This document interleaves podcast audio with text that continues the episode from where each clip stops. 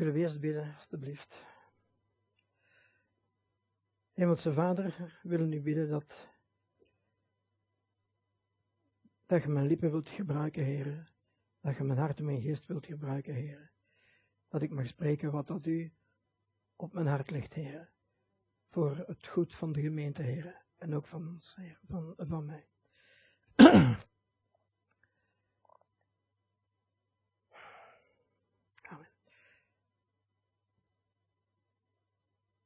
We gaan een keer beginnen met iets wat ik nogal een keer gedaan heb. De weinige keren dat ik hier van voor sta om eens te spreken.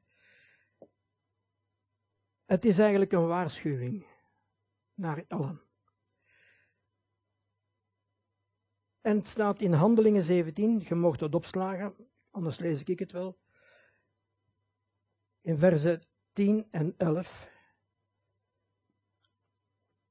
En het is een waarschuwing dat je niet al, uh, zomaar klakkeloos moet aannemen wat dat van hier van de kansel wordt verkondigd. Maar uw verantwoordelijkheid is om het te onderzoeken en te toetsen aan het woord of het zo is. Het is hetgeen dat Paulus geschreven heeft, dat er geschreven is geweest, ik denk dat het Paulus is, aan de, de mensen van Berea. Gaat even lezen. Dus uh, Paulus is moeten gaan lopen uh, en zo verder. En in vers 10 staat maar de broeders zonden terstond in de nacht Paulus en Silas naar Berea, die, daar aangekomen, naar de synagoge der Joden gingen. En deze, de mensen van Berea, onderscheiden zich, ten gunst, uh, zich gunstig van deze te Thessaloniki, daar zij het woord, hier heb je het, daar zij het woord met alle bereidwilligheid aannamen en dagelijks de schriften nagingen of deze dingen zo waren. Velen dan van hen kwamen tot het geloof, zowel van de aanzienlijke Grieken en eh, vrouwen en de mannen, uh, van de mannen niet weinig. Dus de mannen zijn weer al in het minderheid. Wat dat we uh, praktisch overal zien. Dus de verantwoordelijkheid ligt bij mij en bij jullie. Bij hetgeen dat er gezegd wordt, ik ben ook niet volmaakt. Daarvoor dat we gebruik moeten maken of moeten kunnen steunen op elkaar. Nu, ik ben content met wat dat er vandaag al gezegd is geworden. Want ik wist echt waar niet meer over wat ik aan moest hebben. Uh, ik had vorige week al tegen Danny gezegd, Danny, ik ben kwaad op u. Maar je hebt een preek afgepakt voor, voor, uh, voor vandaag. Uh, want het was voor een groot gedeelte daarover dat het hem ging. Vraag me nu niet meer waarover het gaat, want ik ben het al vergeten. Maar wat. Uh, maar er is vandaag al verschillende keren, zowel in hetgeen dat gesproken is geworden, als in de liederen, iets naar voren gekomen. En ik ga dat even lezen in Jacobus. Want dat gaat over. Wat staat er hier, jongen? Oké. Okay. Uh, over wijsheid. Jacobus 1, vers 1.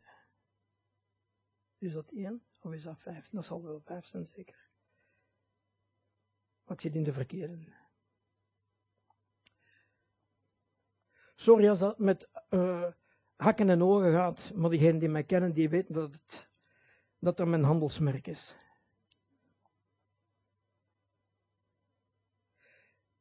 In vers 5 van uh, hoofdstuk 1 staat er, Indien echter iemand van u in wijsheid tekortschiet, dan bidde hij God daarom. God die, niet, uh, die aan allen geeft, eenvoudigweg en zonder verwijt. En zij zal hem gegeven worden, die zij slaat op de wijsheid. En zij zal hem gegeven worden. Maar hij moet bidden in geloof, in geen enkel opzicht twijfelende.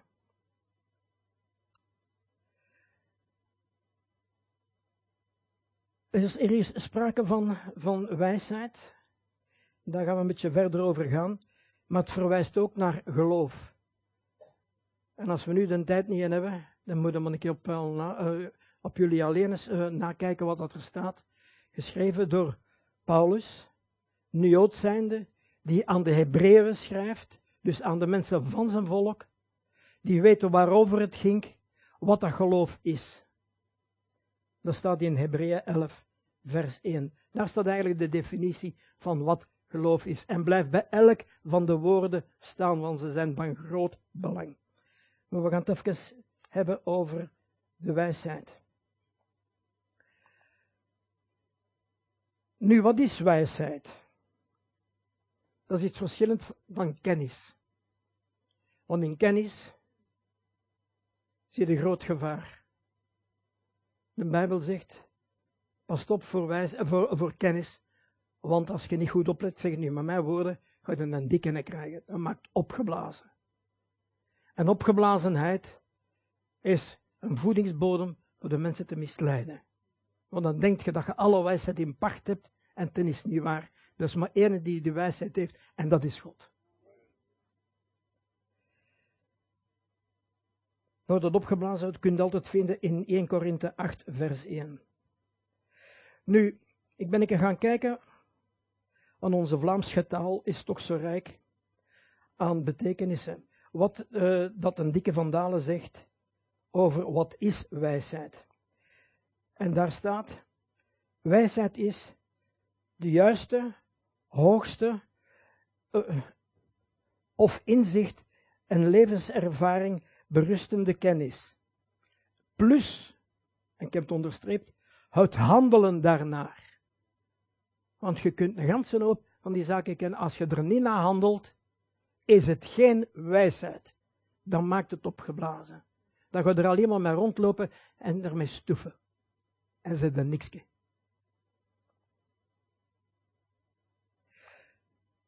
kunt dan vragen, ja oké, wat geeft of wat maakt wijsheid? We hebben het daar in de brief van Jacobus al gezien. Dus wijsheid kunt je bekomen bij God. En ik ga eens kijken wat dat er staat bij spreuken. Uh, oh ja, blijf dus. Oké. Spreuken ver, uh, Spreuken 1, vers 7. De vreze des Heren is het begin der kennis. De wijze, de, de dwaze ver, uh, verachten wijsheid en tucht. Het begin der kennis. Wacht, wat ik had het op iets anders. Ik had staan. Um.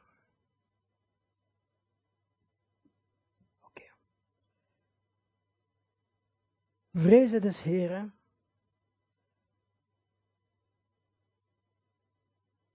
Is het begin der kennis, want dwazen verachten wijsheid en kennis. Wat is dan uw vrezen? De vrezen des Heren.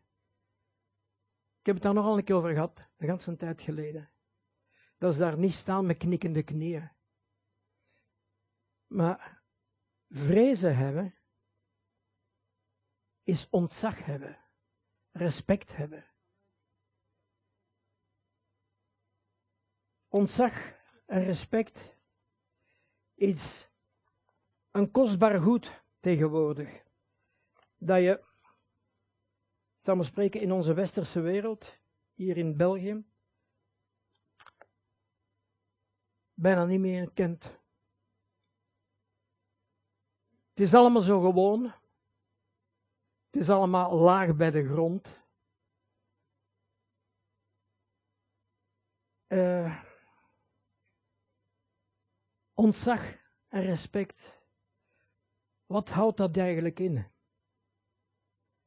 Dat kan er maar komen als je ergens iets hoort van, kijk, oké, dat heeft recht op respect. of die persoon of wat dan ook, is waardig van respect te hebben. Als je het niet hoort, kun je het niet opbrengen. Als het u nooit geleerd is, kunt je het ook niet opbrengen. Het verschil tussen horen en luisteren. Ik hoor van tijd wel een auto voorbij rijden, maar ik geef er geen aandacht op. Maar als ik in een auto met butaanflessen over de kinderkopjes zou rijden, dat die tegen elkaar rammen, dat het mijn aandacht trekt. Dan met mijn aandacht luister ik daarnaar. En dus dat is al ernstiger. En als ik vind van, kijk, oké, die butaanflessen die knotsen ten neig tegen elkaar, ik ben er niet gerust in, dan geef ik er aandacht aan. En als ik dan weet van, kijk, oké, de mensen zijn daar aan het zeggen van, pas op, want als boeltje gaat hier gaan ontploffen, dan is het aan mij van te gehoorzamen, als ik niet wil, en te gaan aan lopen, als ik niet wil dat ik mee ontplof, of ik vraag het aan mijn voeten. Dus je hebt horen, luisteren, aandacht geven aan iets en er aan gehoorzamen. En er dan naar handelen ook nog. Nu, als je, uh, ik heb hier opgeschreven, ontzag en respect. Ja, even tussendoor. Mij doet dat denken aan, uh, aan een van de vorige keren. Dat ik eens sprak over een boek, eigenlijk over drie boeken, die ik gelezen had en dat ik zo geweldig vond. Over wat de mannen moeten kennen van de gedachtenwereld van de vrouwen. En de vrouwen moeten weten van de gedachtenwereld van de mannen. En dan de laatste boek, liefde en respect. Je moet kennis hebben van elkaar. En je moet elkaar respecteren. Als je elkaar respecteert, dan geef je aandacht. Maar dat wil niet zeggen dat als er liefde en respect is, als je gaat gaan gehoorzamen, dat, je geen vragen, dat er geen vragen kunnen opkomen met of over hetgeen dat gezegd is geworden, of hetgeen dat in vraag staat. In de Bijbel zie ik nergens niet staan dat als die grote uh, geloofsmannen, als die met vragen zaten, dat die daarmee niet bij God durven komen. Integendeel. Ik heb er daar een paar opgeschreven die ook hun vragen hadden. Bij situaties die zich voordeden en waarmee dat ze niet helemaal gelukkig waren, omdat ze ook niet alles wisten van wat dat er kon of zou gebeuren. En ik heb opgeschreven bijvoorbeeld een Abraham. Toen dat hij en zijn neef Lot gescheiden waren, niet dat ze getrouwd waren, maar ze waren uit elkaar gegaan. En uh, Abraham had de onvruchtbare landstreek genomen. Lot had het vruchtbare gedeelte aan de Jordaan genomen. Maar was daarmee ook in de problemen geraakt. Doordat hem in uh, uh, Sodom terechtgekomen was. En we weten wat er met Sodom gekomen is op een bepaald ogenblik. God heeft dus was er niet gelukkig mee wat daar ging gebeuren, wat daar gebeurde, en ging ze een toren uitstorten. Maar hij vertelde het aan Abraham. En Abraham die zei, ja maar hé, niet dat hij zei, ja het is allemaal goed en wel. Nee, met alle respect gingen naar God toe en zei, ja maar, zou het niet kunnen dat gij om reden van wie dat je zijt, en om de, om de liefde die je hebt in je schepping, zult je daar niet naar die enkele rechtvaardigen die er zouden zijn, niet, eh, niet uh, omzien en hun ja, vergeving uh, schenken. En zo heeft hij afgedongen en afgedongen en afgedongen en afgedongen, totdat het op tien gekomen is. En dan zei God, oké, Nu is het genoeg geweest. En, maar hetzelfde heeft, is er ook gebeurd met Mozes. Toen dat Israël ook zo'n stoot uitgehaald heeft. Ze waren nog maar net verlost uit, uit Egypte. En toch brachten ze de goden van Egypte mee. Met een gouden kalf te maken.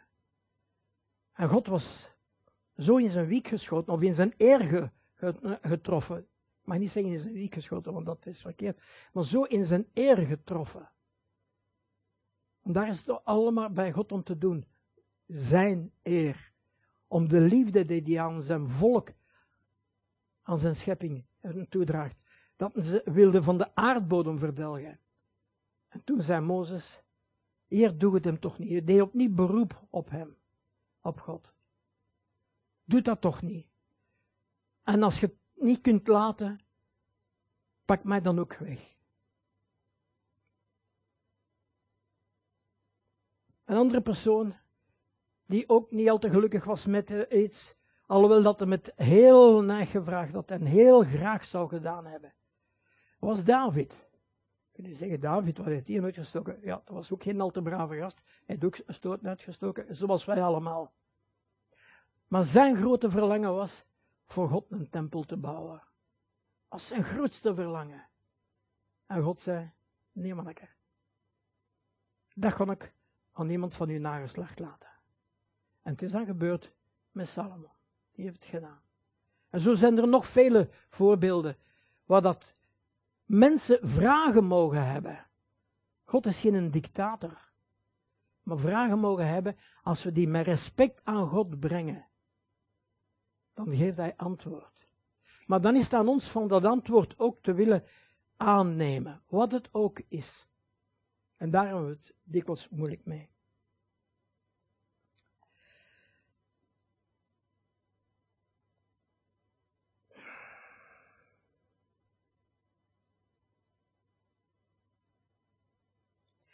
De mensen van tegenwoordig, zeker de jeugd, en versta me niet verkeerd, als ik van tijd nog van achteren kijk. Maar een tendens, je zult dat ook al ondervonden hebben. Die kleine mannen van tegenwoordig, die kunnen het allemaal goed zeggen en allemaal goed uitleggen en allemaal goed argumenteren. Dat zijn allemaal uh, advocaten in spe. al die argumenten. ik moet maar kijken eh, naar ons kleinkinderen van in Nichtegem. Oh, eigenlijk allemaal overal. Als je daar iets tegen zegt, ja maar, ja maar, oh, nou, nou, oh. en altijd draaien en keren ze het, dat ze toch een goesting krijgen. Dan zeg je, en dat is dan wel fout, dat we zeggen, uh, van, uh, trekt uw plan of wat, of doe, of doe het maar. Nee, hetgeen dat gezegd is, ze moeten leren luisteren, ze moeten leren respect hebben. Maar we mogen tegenwoordig niet meer luisteren wat de Bijbel zegt. Want de Bijbel zegt, geef ze daar een goede pandoering, en ze zullen wel luisteren. En dat is dan heel zacht uitgedrukt. Nu, wat ik hier neergeschreven eh, dat was, alles draait om het ik. En waarom heb ik dat dan aangeschreven? Want ik zit hier wel met mijn papiertjes bezig. Hè. Um,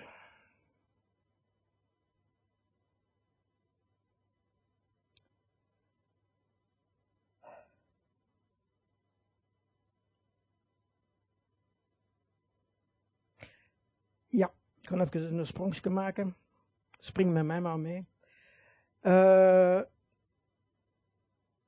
een vraag die ik mij gesteld heb een tijd geleden. Ik ben er al een lange tijd mee, mee bezig. Dat staat altijd maar te draaien. Dat was iets dat uh, staat in de uh, eerste Korintenbrief. Uh, in hoofdstuk 15.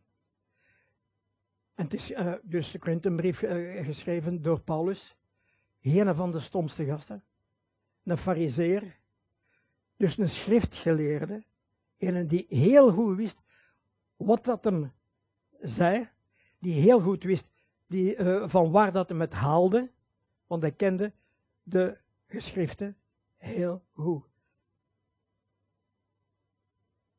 Die sprak in 1 Korinthe 15 eh, over een eerste Adam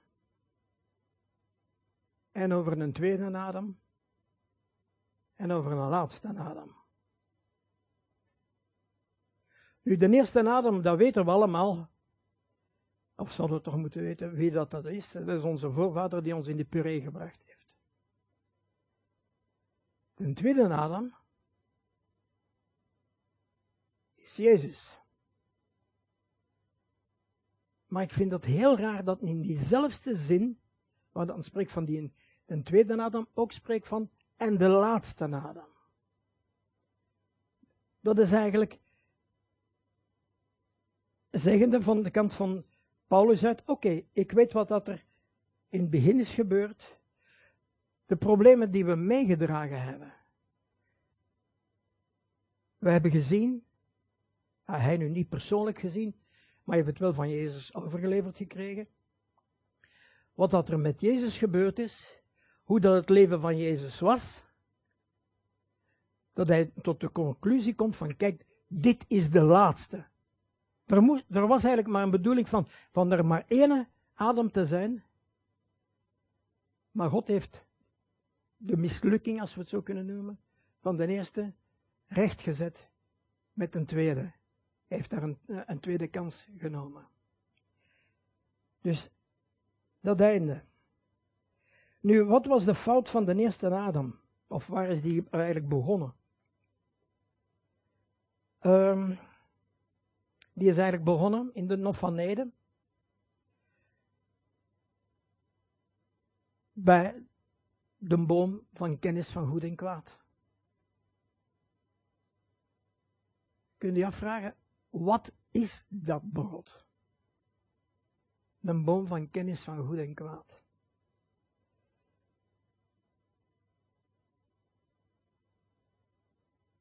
Je zit daar met kennis het is niet een boom van wijsheid en kwaad, maar een kennis en, van goed en kwaad. Dus op, opnieuw, hetgeen dat daar gezegd is geweest voordien, kennis maakt opgeblazen. En opgeblazen leidt tot het maken van verkeerde beslissingen. Dat is geen dat ook gebeurd is bij Adam en Eva. Waarom is daar de verkeerde beslissing genomen geweest? Omdat een duivel, de slang, zo leep was om het zo schoon voor te stellen. Want je gaat zoveel weten, je gaat zijn zoals God. En de mens, in zijn naïviteit, of in zijn kortzichtigheid, of zijn stommiteit, noem het zoals dat je wilt, heeft dat aangenomen heeft duivel geloofd en is op eigen inzicht voortgegaan. Want de duivel zei alleen maar goede zaken, of schijnbaar goede zaken. En hetgeen dat God voor gewaarschuwd had, hebben ze weggelaten.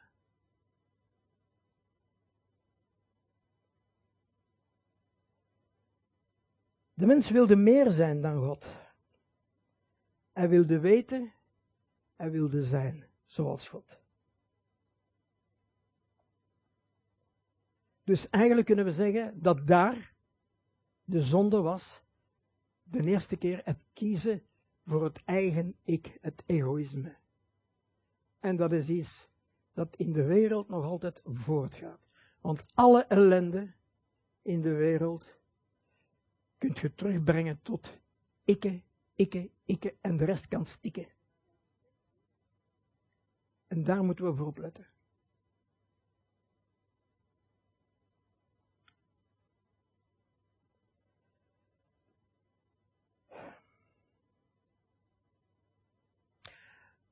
Om even nog iets te zeggen van de eerste en de, en de, de tweede en laatste Adam. Iets dat mij opviel, zijn al de wonderen die dat Jezus deed. Wonderen, mirakelen, noem het maar op. En heb ik me afgevraagd. Maar Adam is niet van de eerste dag dat hem geschapen was, uh, in zonde gevallen. Hij heeft daar rondgelopen met God. En dat zal wel langer geweest zijn dan 24 uur, hoop ik. Want anders is het, uh, is het een heel kort uh, verblijf in, in het aardsparadijs. Dus zolang dat hij niet van die vrucht, van die verboden vrucht, sorry, had genomen, dan was hij eigenlijk dezelfde, of met dezelfde capaciteiten, mogelijkheden, als de tweede Adam. Dus zou hij ook over water hebben kunnen lopen. Zou hij ook wijn, uh, uh, uh, water hebben kunnen veranderen in wijn. Brood hebben kunnen ver, vermenigvuldigen. Zieken genezen. Diezelfde zaken moeten ook mogelijk geweest zijn dan. Nu, oké, waarom heb ik dat dan nou bijgezet? Dat weet ik zelfs niet meer. Um,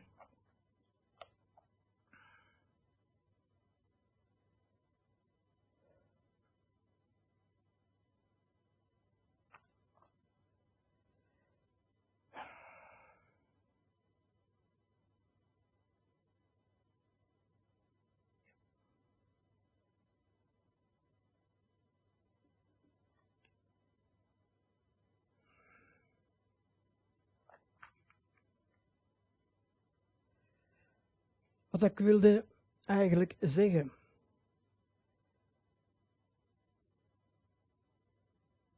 Is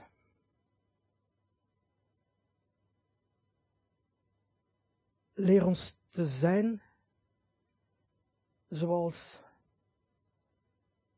uh, zoals een kind.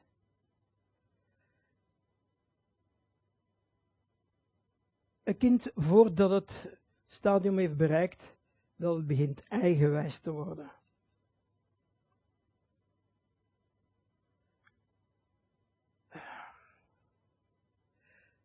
Als een kind dat kan rondlopen en dan nog volledig vertrouwt op zijn ouders. Ik zal niet alleen maar zeggen op zijn papa of op zijn mama, maar op zijn ouders.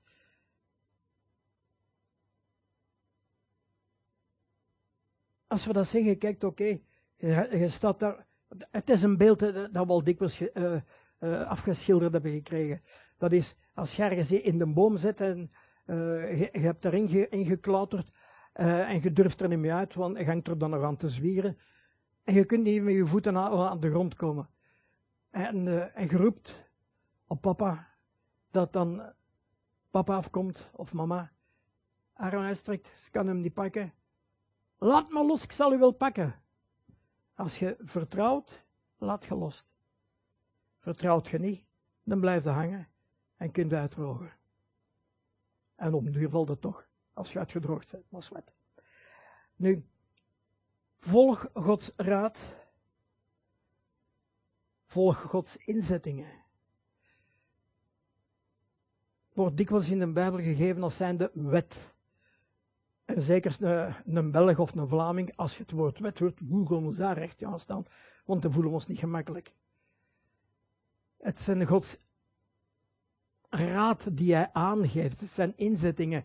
Het is goed bedoeld, want hij houdt van ons. Heb God lief. Met geheel uw hart, met geheel uw ziel, met geheel uw kracht en uw naaste zoals uzelf. Dat is het grootste gebod. Dat we terugvinden ook uh, in Matthäus 22, waar dat uh, gevraagd is geworden aan Jezus door een van, uh, van de schriftgeleerden. Heer, wat is het grootste gebod? En de Heer zegt het, heb God lief met geheel uw hart, geheel uw ziel, en met al uw kracht en uw naaste zoals uzelf. Want dat was dan het tweede gebod. En de, eh, de, de schriftgeleerde zei, je hebt waarlijk goed geantwoord. Dat is het waar het op aankomt.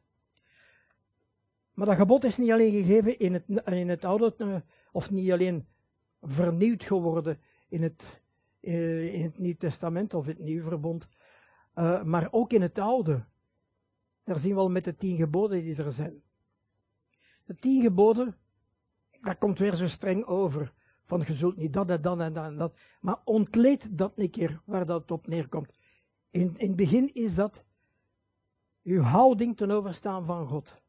Respecteer hem, gehoorzaam hem. Luister naar hem. Ik zeg ze nu in omgekeerde volgorde, maar luister naar hem, respecteer hem en, uh, en, en volg hem. En dan is het. Omdat het je goed mogen gaan. Maar dan is het ook naar, naar de mens toe. Dat is wat de naaste dan betreft. En de eerste mens die dicht bij u staat, wie is dat? Voor ons volwassenen zijn dat, is dat onze partner. Dus heb die lief. Stapje verder zijn onze kinderen. En daar is een belofte aan gegeven.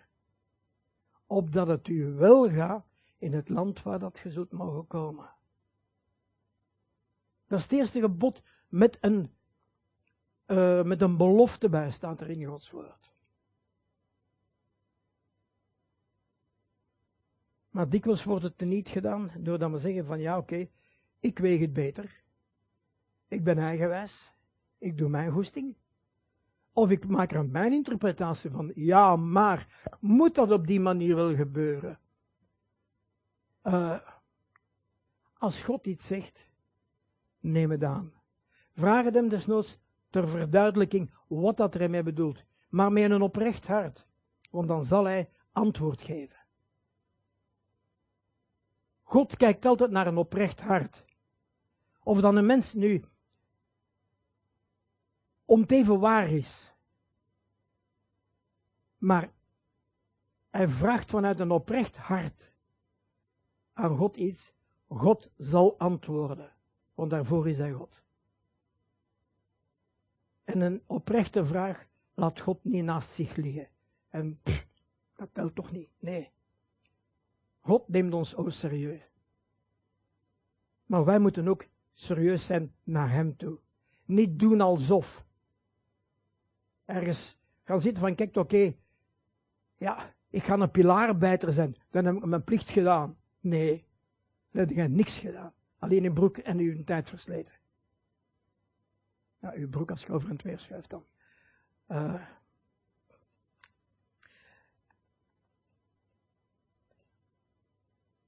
ik ga nu even kijken naar de andere dat ik daar gezegd had. Van uh, geloof naar de Hebreeënbrief. Ik ga dat ook eens lezen. Hebreeën 1.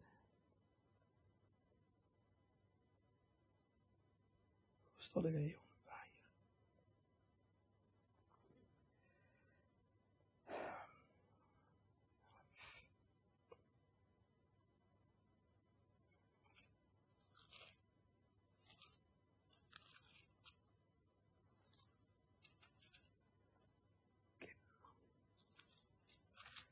Hebreeën 11,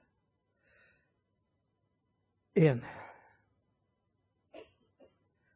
Opnieuw dus een brief van onze Paulus, van onze fariseer Paulus.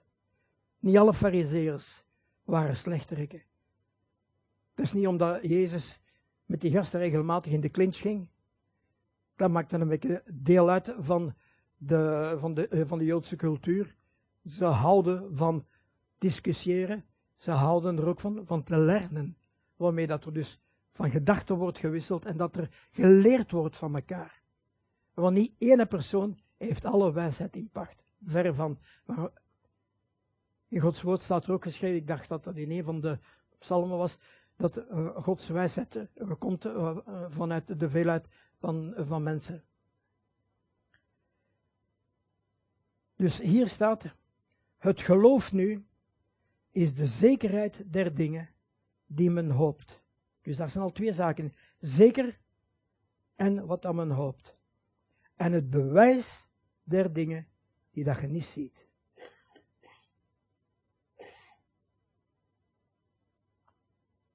Ik weet niet, de, uh, de zender in de gemeente hebben we vorige week gehoord, die die film gezien hebben van Heaven is for real, uh, of is real. Oké, for real. Uh, wat aan mij opviel, was dat die mens, die voorganger, die vader, die bijbelschool gevolgd had, die oprecht was, problemen had toch met te geloven wat dat zijn kind vertelde. En ook moeite had met aan te kunnen nemen dat dat wel degelijk echt was. Dus we moeten eigenlijk goed opletten met als, we, uh, als ons wordt gevraagd, geloofde jij? Van zomaar rap ja te zeggen. Want geloven houdt veel meer in van ja te knikken. Je moet dan een naar uh, binnen in uzelf gaan, gaan kijken. Van wat houdt dat eigenlijk in? Ben ik bereid van tegen alle wereldse logica in dat toch aan te nemen? Zelf al zin ik het niet, of kan ik het niet zien? Want hij kon niet in de hemel, uh, of niet dat, dat, beeld van, uh, dat, dat zijn zoon had uh, gezien, voor, voor ogen halen. Maar er dan ook, als je het gelooft, er ook naar gaan handelen. Want dat is geen dat hier staat. Het geloof nu, is, wat dat je, is de zekerheid der dingen die men hoopt. En dan heb je het hier. En het bewijs der dingen die men niet ziet. Wanneer is er een bewijs? Als er naar gehandeld wordt. Als iemand een pot of, of, of een kan water voor uw neus zet. En je hebt dorst. En hij zegt, dat is, dat is water, je, moet dat, je kunt dat drinken. Oké, okay, die kan water, die ziet je wel. Maar stel je nu voor dat ze om de een of andere reden dat ze het licht uitgedaan hebben. En dat je die fles daar niet ziet staan. En dat ze zeggen, voor uw neus staat er een glas met water. Je hebt dorst, drinkt. Je hoopt het dat het waar is, want je hebt dorst. Je ziet het glas niet. Maar wilt je het hebben en de zekerheid hebben, dan moet je handelen ernaar en het pakken. En dan gaat het, als je drinkt, het bewijs hebben dat het zo is. Dus ik denk dat dat iets is. En ik spreek ook van mijn eigen. Al hetgeen dat ik hier gezegd heb. Dat is niet omdat, omdat jullie daar zitten. Dat is ook voor mij. Ik ben er al. Jenny kan, eh, kan, eh, kan zeggen, ik ben er al een paar maanden mee bezig. Dat dat zit te draaien en te keren en, eh, en die vragen. Maar het is belangrijk, mensen, dat we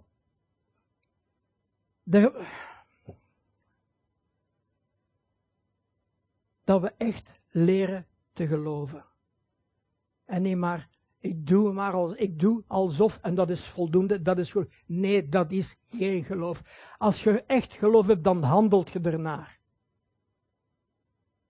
En al de zaken die dan me, uh, waar dat er sprake van is, uh, uh, van geloof, kunnen de vraag bijstellen voor uzelf, ieder voor zichzelf, hoe handel ik daarnaar? En heb je daar geen antwoord op? Schrijf dan maar op een papiertje, dat was geen geloof, of daar heb ik geen geloof in. Dus daar moet aan gewerkt worden. Dus geloof houdt in dat er naar gehandeld wordt. Want ergens, ik weet niet meer wat dat is, uh, er zullen wel anderen, uh, weet niet wat juist is. Geloof zonder werken is doodgeloof.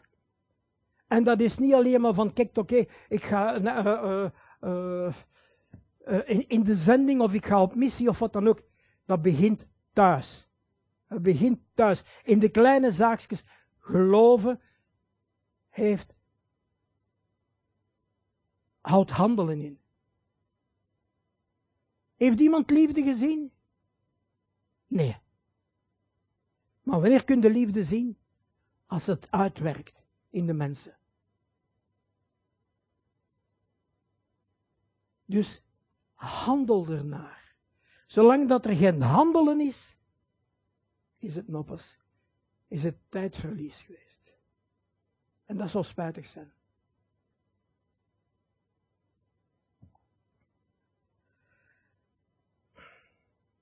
Ik bij jou. Uh, ik heb hier ook nog iets geschreven van, dus, een beetje een samenvatting. Wees eerlijk met jezelf. Dat is het meest belangrijke. Als je jezelf voor de gek houdt. God kun je niet voor de gek houden. Maar jij bent het slachtoffer van je gekhouderij. Speel geen komedie met jezelf. Doe wat er in Gods woord staat. En verstaat het niet wat een uitleg is. Want vandaag hebben we met de vertalingen, oké, wat, wat verstaat, wat zal God daaronder verstaan? Vraag het eerlijk, met een oprecht hart, aan eh, God. En hij zal u antwoorden. Maar hebt wel geduld. Maak niet de fout dat je zegt, ja maar ik heb hem vandaag gevraagd en moet het me nu geven. Uh -uh, zo werkt God niet. Want God is iemand die graag test en ziet ook uw geduld. Gehoorzaam Gods woord en wees gewillig. Amen.